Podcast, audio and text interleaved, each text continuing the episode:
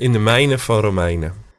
Paulus die schreef een brief die bepalend is geweest voor de loop van de wereldgeschiedenis. Een brief die ook wel de kathedraal van het christelijk geloof wordt genoemd.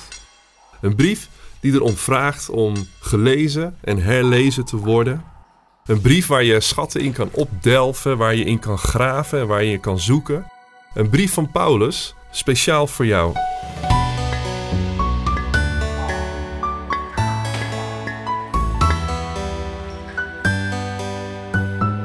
Gaan in deze podcast mijnen in Romeinen.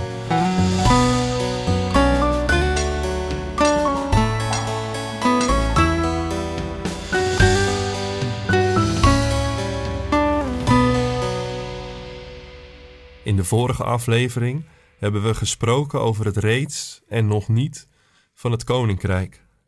Vandaag pakken we de draad op en lezen we het laatste stukje van Romeinen 8 vanaf vers 31. Wat moeten we hier verder over zeggen? Als God voor ons is, wie kan dan tegen ons zijn? Zal Hij, die zijn eigen zoon niet heeft gespaard, maar hen omwille van ons allen heeft prijsgegeven, ons met hem niet alles schenken? Wie zal Gods uitverkorene aanklagen? God zelf spreekt hen vrij. Wie zal hen veroordelen? Christus Jezus die gestorven is, meer nog, die is opgewekt en aan de rechterhand van God zit, pleit voor ons.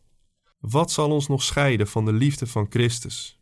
Tegenspoed, ellende of vervolging, honger of armoede, gevaar of het zwaard?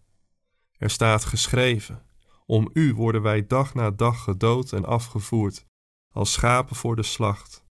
Maar wij zegevieren in dit alles glansrijk, dankzij Hem die ons heeft liefgehad. Ik ben ervan overtuigd dat dood nog leven, engelen nog machten, nog krachten, heden nog toekomst, hoogte nog diepte, of wat er ook maar in de schepping is, ons zal kunnen scheiden van de liefde van God die Hij ons gegeven heeft in Christus Jezus, onze Heer.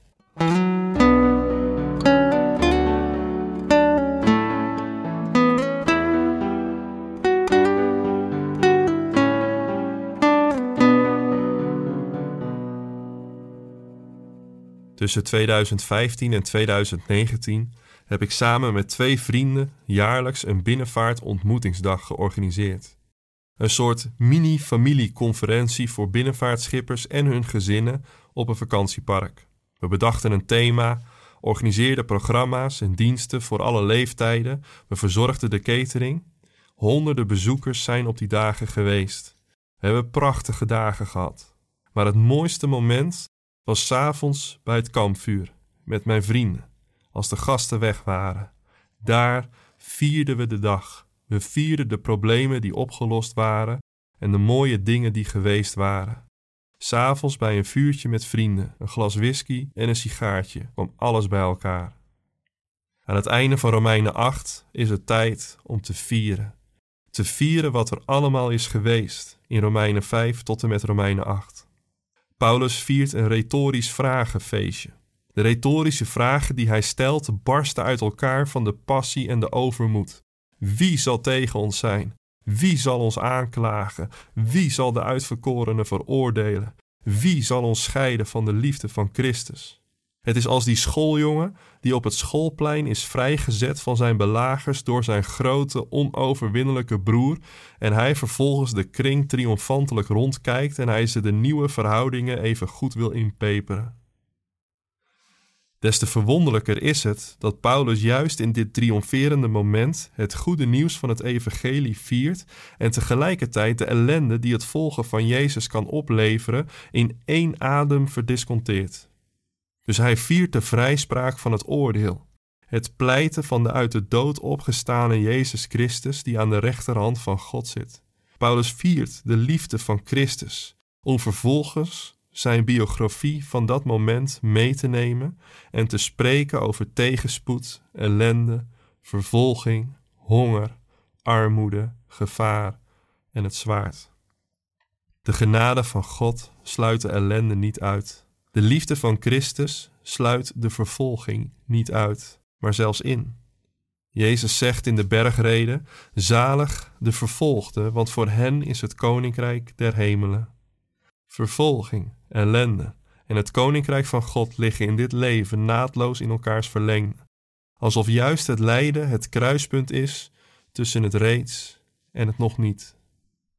In Hebreeën 11 zie je hetzelfde gebeuren.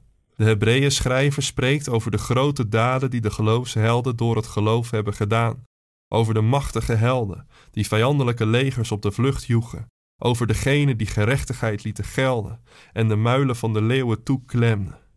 En dan, in één adem vanaf Hebreeën 11 vers 35, degene die gemarteld werden, gevangen gezet werden en bespot werden.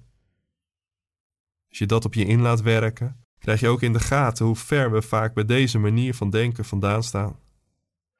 Het kan je ook ongerust maken. Hoe zou het jou vergaan in de ellende, vervolging, honger of armoede vanwege je geloof? Hoe zou jij je opstellen in gevaar of in de ontmoeting met het zwaard?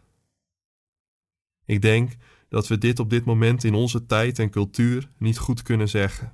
Ik denk wel dat er op dit moment op andere plaatsen genoeg christenen zijn die het Paulus na kunnen spreken die de genade van God en de liefde van Christus ervaren te midden van diep lijden vanwege hun christen zijn. Ook als we deze woorden van Paulus op dit moment van ons leven niet op die manier kunnen meebeleven, omdat we niet delen in die ellende en vervolging die Paulus kende vanwege het evangelie, kunnen we uit deze woorden wel het vertrouwen ontlenen dat het evangelie dermate kracht heeft dat het ons zelfs in de vervolging weet te dragen.